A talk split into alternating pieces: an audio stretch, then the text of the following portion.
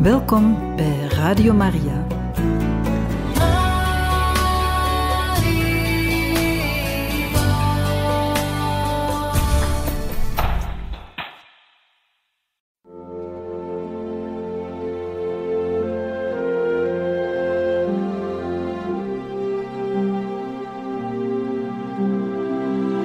Beste luisteraars van Radio Maria, welkom bij het programma Catechismus.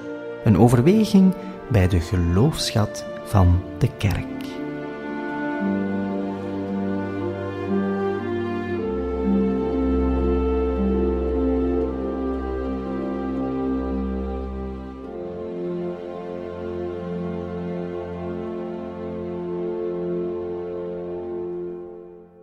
Van harte welkom, beste luisteraars, in het programma Catechismus. Vandaag kan u luisteren naar een laatste deel over de openbaring, gebracht door eerwaarde heer Dirk van der Linden.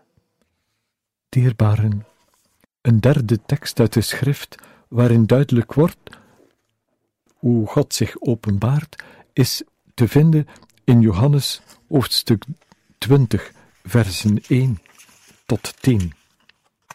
Op de eerste dag van de week kwam Maria Magdalena vroeg in de morgen, het was nog donker, bij het graf en zag dat de steen van het graf was weggerold.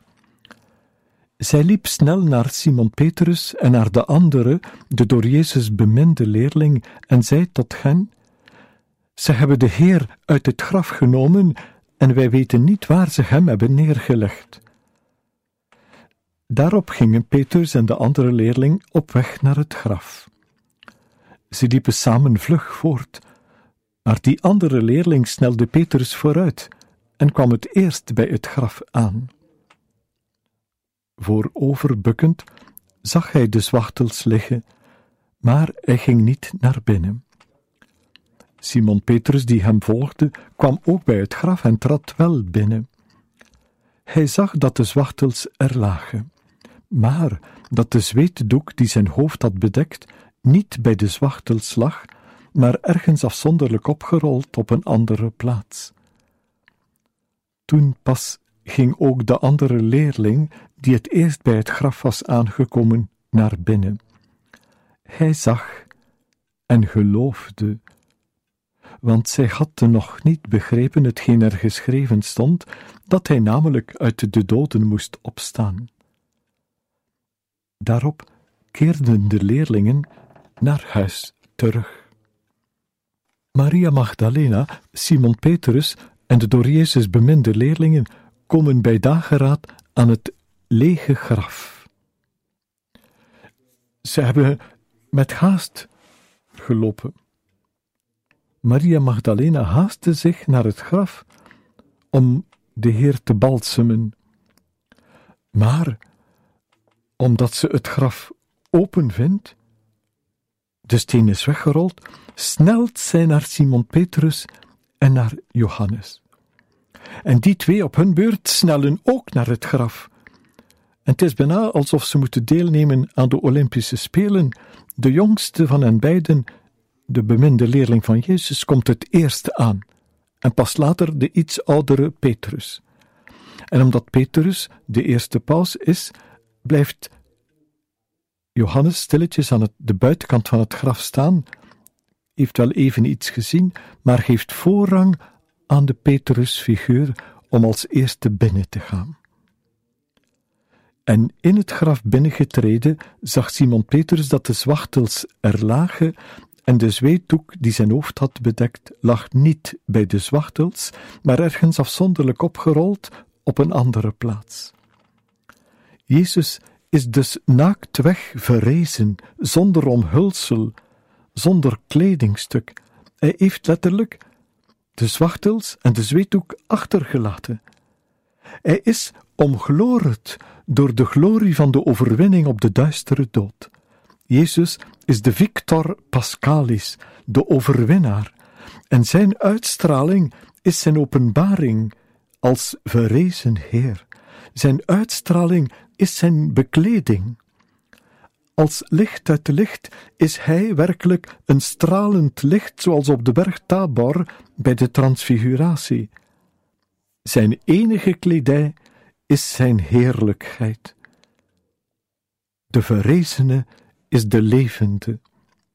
Het is zoals het kindje Jezus dat naakt geboren is en in de kribbe ligt, en zodanig glorend is dat een al het stro, het goudgele stro dat door de zonnezomer ge gebronst is, en nu als het ware een hallo vormt rond het kindje Jezus, want de heerlijkheid van God is op aarde verschenen. En zo is het ook met de, de verrezene. In de verrezen Heer Jezus komt de glorie van God op aarde, opdat God zich openbaarde zoals Hij is, sterker dan de dood, duurzamer dan de dood, groter dan de dood. Een heel mooi detail vertelt hoe Maria aan de jonge Jezus zal geleerd hebben om thuis de lakens mooi op te plooien. Johannes, en, en dat is een, een, een zekere humor van de evangelist, de zweetdoek van zijn hoofd lag ergens afzonderlijk opgerold. Jezus heeft van zijn moeke Maria geleerd zijn beddeke op te maken. Maar Jezus laat alle omwenselen achter. Hij is het beu ingewikkeld te zijn. Jezus kiest voor eenvoud, eenvouw, doorluchtig, doorzichtig, klaar. Hij toont zich zoals hij is en hij maakt het zeker niet complex. Daarom kunnen we ook verwijzen naar een woord dat zo dikwijls terugkomt uit zijn hart als zoon van God. Aan hen die zijn zoals de kinderen, behoort het rijk Gods. De zwachtels en de zweetdoek hebben een tekenkarakter.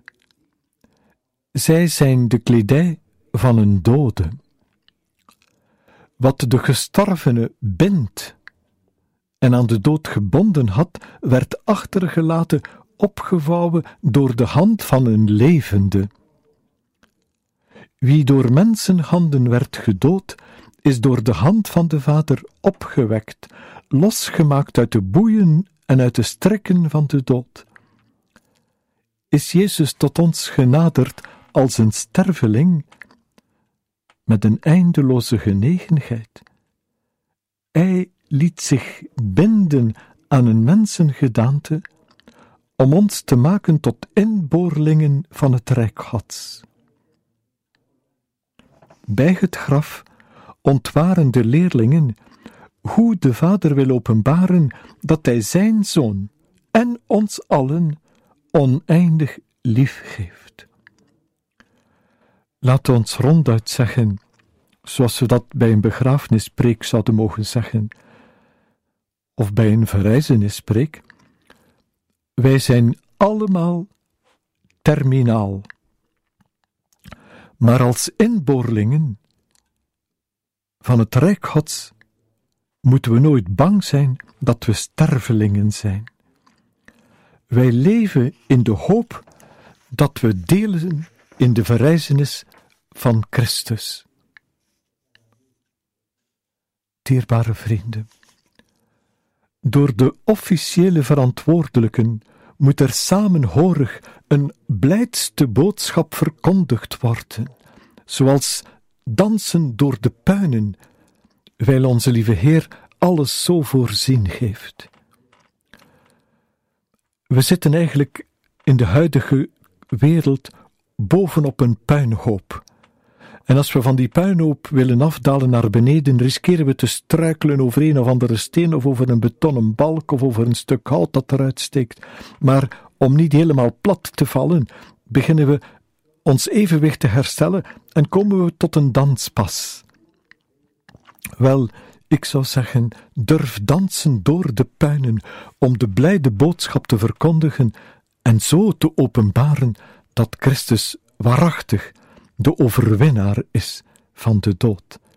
Hang de blijde boodschap aan met plezier en spontaan. En mocht je miljonair zijn en een klein vliegtuigje hebben, een tweedekker is al genoeg, dan nodig ik u uit om vandaag nog op een lang wit vaandel te schrijven met een dikke zwarte verf: Lang leven Jezus. Je hangt die vaandel aan je tweedekker en je vliegt omhoog. Vanuit Bilzen naar Nieuwpoort of naar De Pannen.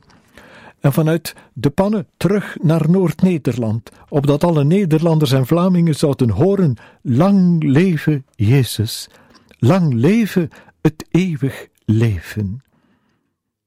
Dit is openbaren, dit is meedelen aan je medeburgers: God leeft. Het evangelie doorgeven is gebeurd op het woord van de Heer. Op twee wijzen. Ten eerste mondeling, via de prediking van de apostelen en de ooggetuigen.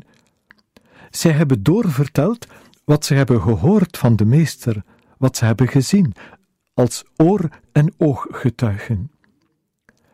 Kunt u voorstellen dat Jezus op een bepaald ogenblik een blinde geneest, een doofstomme geneest, een lamme geneest, en dat hij dan zegt: Vertel het niet verder. Ga, keer terug naar huis, maar zwijg daarover.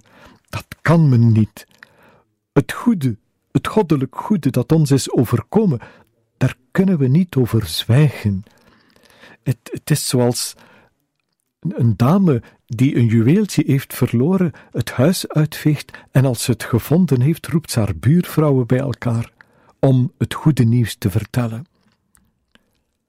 Of zoals een herder die een schaapje verloren heeft en 99 achterlaat om het terug bij de kudde te brengen. Hij moet dat bekend maken. Of zoals die vader die een zoon verloren heeft, omdat hij, ja, werkelijk het varken heeft uitgehangen, zoals je dat kan lezen in Lucas hoofdstuk 15, vers 11 tot 31 ongeveer. Daar, daar organiseert die vader een feest van je welste, omdat zijn zoon dood was en levend is geworden. Dus die vader kan niet zwijgen, hij moet het uitjubelen, uitfeesten, uitvieren. Wie Jezus heeft ontmoet, begint te getuigen en te verkondigen onder bezieling van de vurige Pinkstergeest. Zwijgen over de heerlijkheid Gods is vandaag doodzonde. Die blijde boodschap van Jezus is niet alleen mondeling doorgegeven door de eerste generatie ooggetuigen, maar ook schriftelijk. Onder de ingeving, de inspiratie en de doorzindering van de eigen machtige, krachtige geest hebben bepaalde evangelisten en andere auteurs de heilsboodschap opgetekend. En die blijde boodschap wordt voortgezet in de apostolische opvolging. Wereldwijd en tot het einde der tijden dient de blijde boodschap verkondigd te worden. Hoe langer hoe meer vraag ik mij bij de voorbereiding van de preek allereerst af: wat is hier en nu de blijde boodschap? En hoe kan ik de aanwezigen straks blij maken met de zaligmaker Jezus, die ons wil verzaligen en verzadigen naar hart en ziel? De kerk heeft als duidelijke zending Gods persoon te openbaren, niet alleen in dialoog met mensen, maar evenzeer door het woord van God te verkondigen en te incarneren. Met incarneren bedoel ik in praktijk brengen, zoals Jezus het zelf zegt over zijn verwanten. Wanneer men hem komt vragen wie zijn je moeder, je moeder en je broers en je zussen staan daar buiten te wachten, zegt hij: Wie zijn mijn moeder, mijn broers, mijn zussen? Mijn zuster, mijn broeder, mijn moeder zijn zij die het woord van God horen en er naar handelen. We moeten het dus in praktijk brengen. Ik zou zeggen, gedaan met alle theoretische lessen, practicum, praktijklessen. De minister van Onderwijs zou onmiddellijk voor heel zijn departement moeten zeggen: gedaan met achter uw bureau te zitten, gedaan met theoretische lessen. Laat de studenten onmiddellijk aan de slag gaan. Stage. all-time stage en de leerlingen zullen beter geboeid zijn en meer gemotiveerd. De studenten uit de technische scholen zullen content zijn als ze dit horen, maar ook de, de leraars die Frans onderrichten of Engels, ze zouden met hun studenten de helft van de week naar Frankrijk en naar Engeland moeten gaan. Er zou nogal wat meer studiegeest groeien. Ik ben hier aan het dromen, maar goed, luid op dromen kan soms de minister tot inspiratie dienen. De groeten aan de minister van Onderwijs moest hij toevallig meeluisteren vandaag. Ik ga terug naar het, het openbaren van Gods woord. Hè. Kijk eens wat Maria heeft gedaan. Maria, ons aller moedertje, heeft zeer ingetogen geleefd. En juist door die stilte in en rondom haar wezen is zij opgetogen geworden. En wanneer ze binnenin de vreugde kende van Gods aanwezigheid, van Gods ingrijpen, Gods aangrijpen, Gods plaatsgrijpen, is zij zingend en biddend naar haar nicht Elisabeth gegaan. Er is dus een fase die we door moeten. Eerst ingetogen zijn, dan opgetogen en uiteindelijk uitgetogen.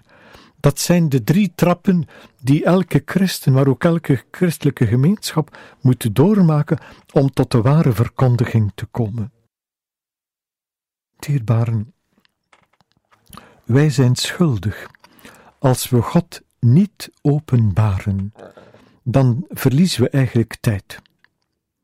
Ik geef twee voorbeeldjes.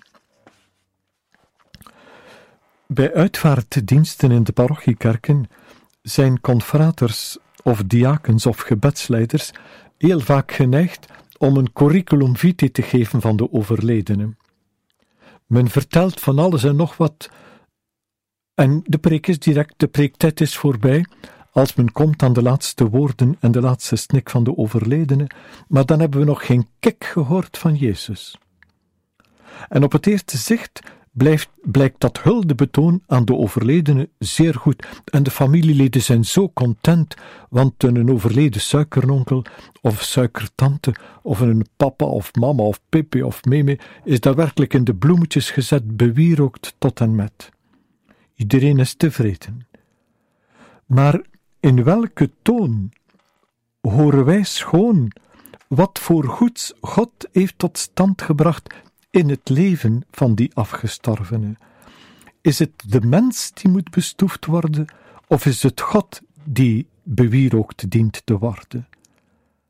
Als wij zwijgen over de verrijzenis van Christus, over de werkzaamheid van een krachtige geest in de gedoopte mens, als wij geen woord spreken over de heerlijke toekomst in het hemels vaderhuis, dan zijn alle aanwezigen beklagenswaardig. Het lijkt dan alsof het lijk in de kist of de stof in de urne niets betekend heeft, dus geen enkel eeuwigheidsperspectief.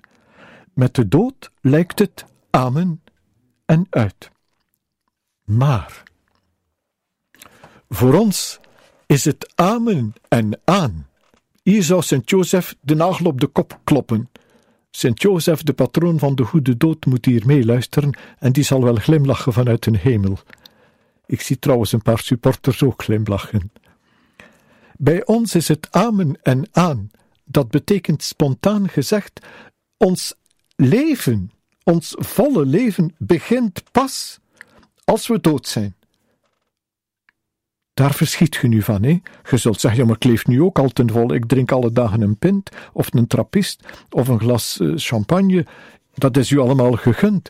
Maar het meest heerlijke, zalige leven begint over onze laatste snik, als we opgeslorpt zijn in Gods oneindig ik. In zijn tweede brief aan de Corinthiërs, hoofdstuk 5, vers 1 tot 10, schrijft Sint Paulus over de hoopvolle toekomst bij de verrezen Heer, bij de heilige gemeenschap. Gelovigen zijn optimist tot over de kist, niet tot in de kist. Wij bewegen niet langer in een dikke mist. Wij wandelen nu reeds in het licht van Gods aangezicht. En als we de hemel binnenkomen, mogen we verder wandelen in dat teder, zacht, vriendelijk, goddelijk licht van zijn aangezicht. In dit geloof mogen we leven en sterven. Zo kunnen we de hemel erven en verwerven. Twee derden van een kerkelijke uitvaart en eigenlijk drie derde van een kerkelijke uitvaart zal ideaal gezien verwijzen naar het verrijzen van Christus uit de doden, naar onze opstanding uit de dood, omdat we gegeten hebben van het hemels brood. Ooit kreeg ik na een uitvaart een zoon van de overleden vader aan het kerkhof te zien, en die man vroeg mij: Meneer, zegt hij, wie hebt gij nu begraven vandaag, mijn vader of Jezus? Want je hebt meer over Jezus gesproken dan over mijn vader. En die man was niet tevreden. Ja, dan zwijgt je maar eventjes en slikt je dat door hem. Wij zijn geroepen om de verrijzenis te verkondigen, opdat de mensen die meer heidens gaan leven zijn de laatste tientallen jaren, opdat die de hoop zouden krijgen op een oneindig leven hierboven.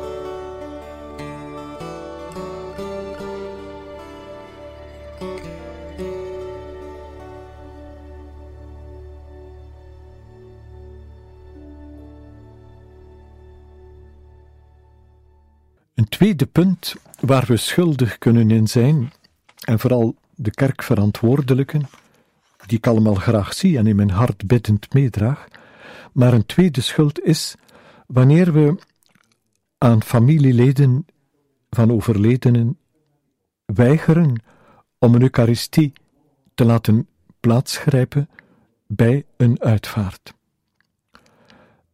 Het gaat om een gedoopte. Iemand die ten graven wordt gedragen, is een welbeminde van Gods wegen. En dan verbieden om Eucharistie te vieren, is zonde Gods. Op zich hebben we niets tegen verzorgde woorddiensten of tegen onze protestantse broeders, die altijd met het woord Gods naar buiten treden, want dat is ook heden belangrijk, dat het woord Gods grondig verkondigd wordt. En wie luistert naar Jezus' woorden, hoort altijd woorden van eeuwig leven. Zoals Petrus dat zegt in Johannes hoofdstuk 6, vers 66. Heer, naar wie zouden wij gaan? Gij alleen hebt woorden van eeuwig leven. De Meester Jezus heeft aan zijn eerste vrienden bij het laatste avondmaal opgedragen: Blijf dit behartigen om mij te gedenken. Een wijdingsvolle Eucharistie is een anticipatie op het hemels gastmaal. We krijgen in de Eucharistie een voorsmaak van het eeuwig leven. En dat is een openbaring. Wij worden op weg naar de hemel, want wij zijn allemaal pelgrims. Onze tocht door de aarde is een ballingschap, maar wij worden door elke waarachtige liturgie gesterkt en gevoed, opdat Jezus alles in allen zal zijn. En dankzij de Eucharistie worden wij verbonden met de zaligmaker, met de gelukzaligen en met allen die ons reeds met Christus vertegenwoordigen bij de Vader.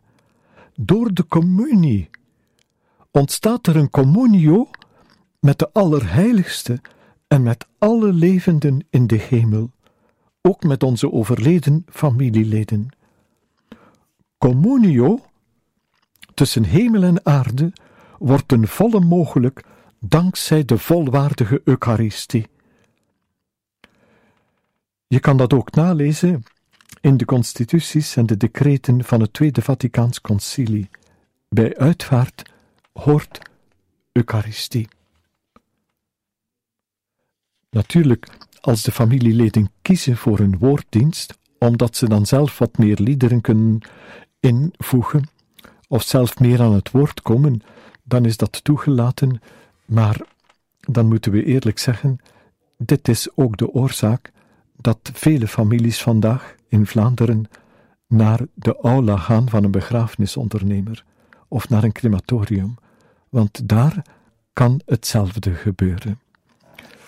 De kerk heeft als taak de verrezen Heer Jezus met een blij hart te verkondigen, als troost voor de treurenden. Zalig de treurenden, want zij zullen getroost worden.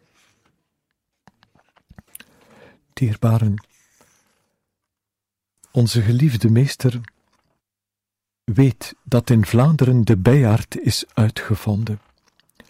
En de bijaard heeft meerdere klokjes. In bijaard zit bij de aard zijn, bij de ware aard, bij de aard zijn van God, bij Gods natuur zijn, dus oorspronkelijk. Je mocht natuurlijk ook bij de waard zitten aan een open aard, maar luister naar de bijaard. Wees bij de haard, bij het brandend heden, bij het vuur dat onblusbaar is van Gods natuur.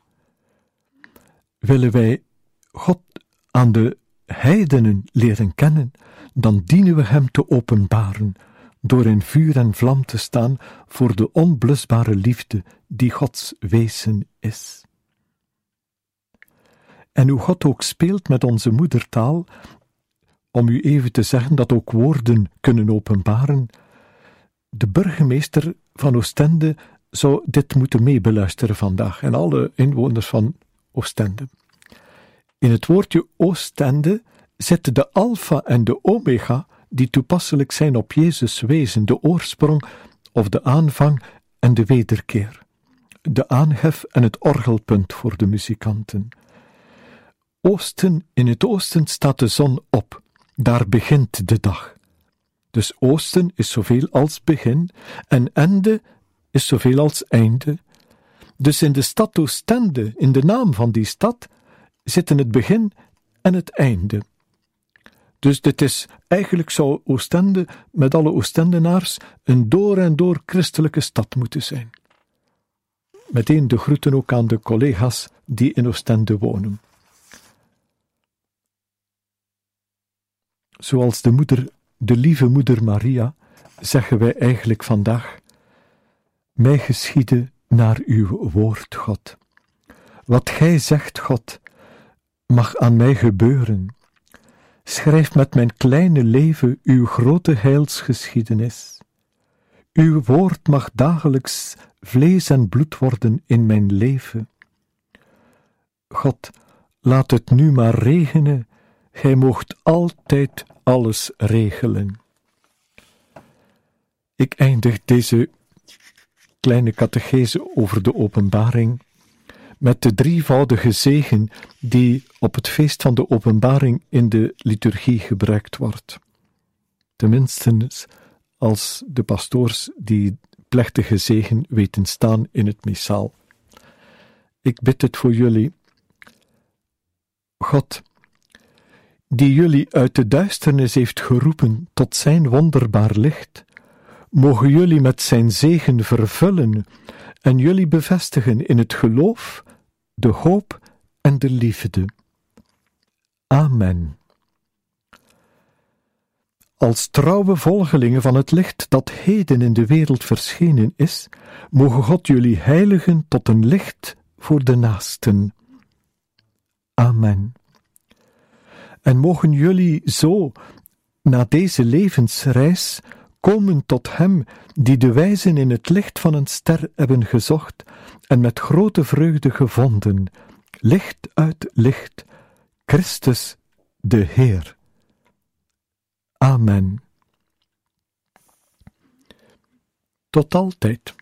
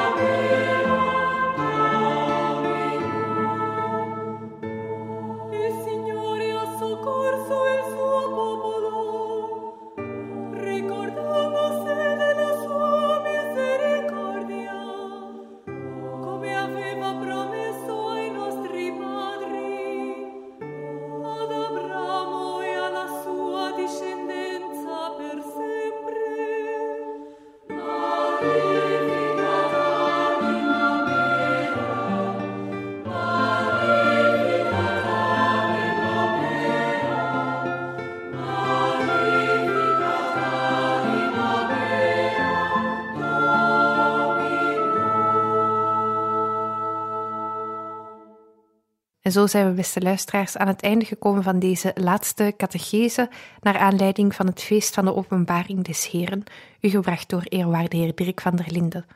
Radio Maria wenst u nog een mooie dag toe.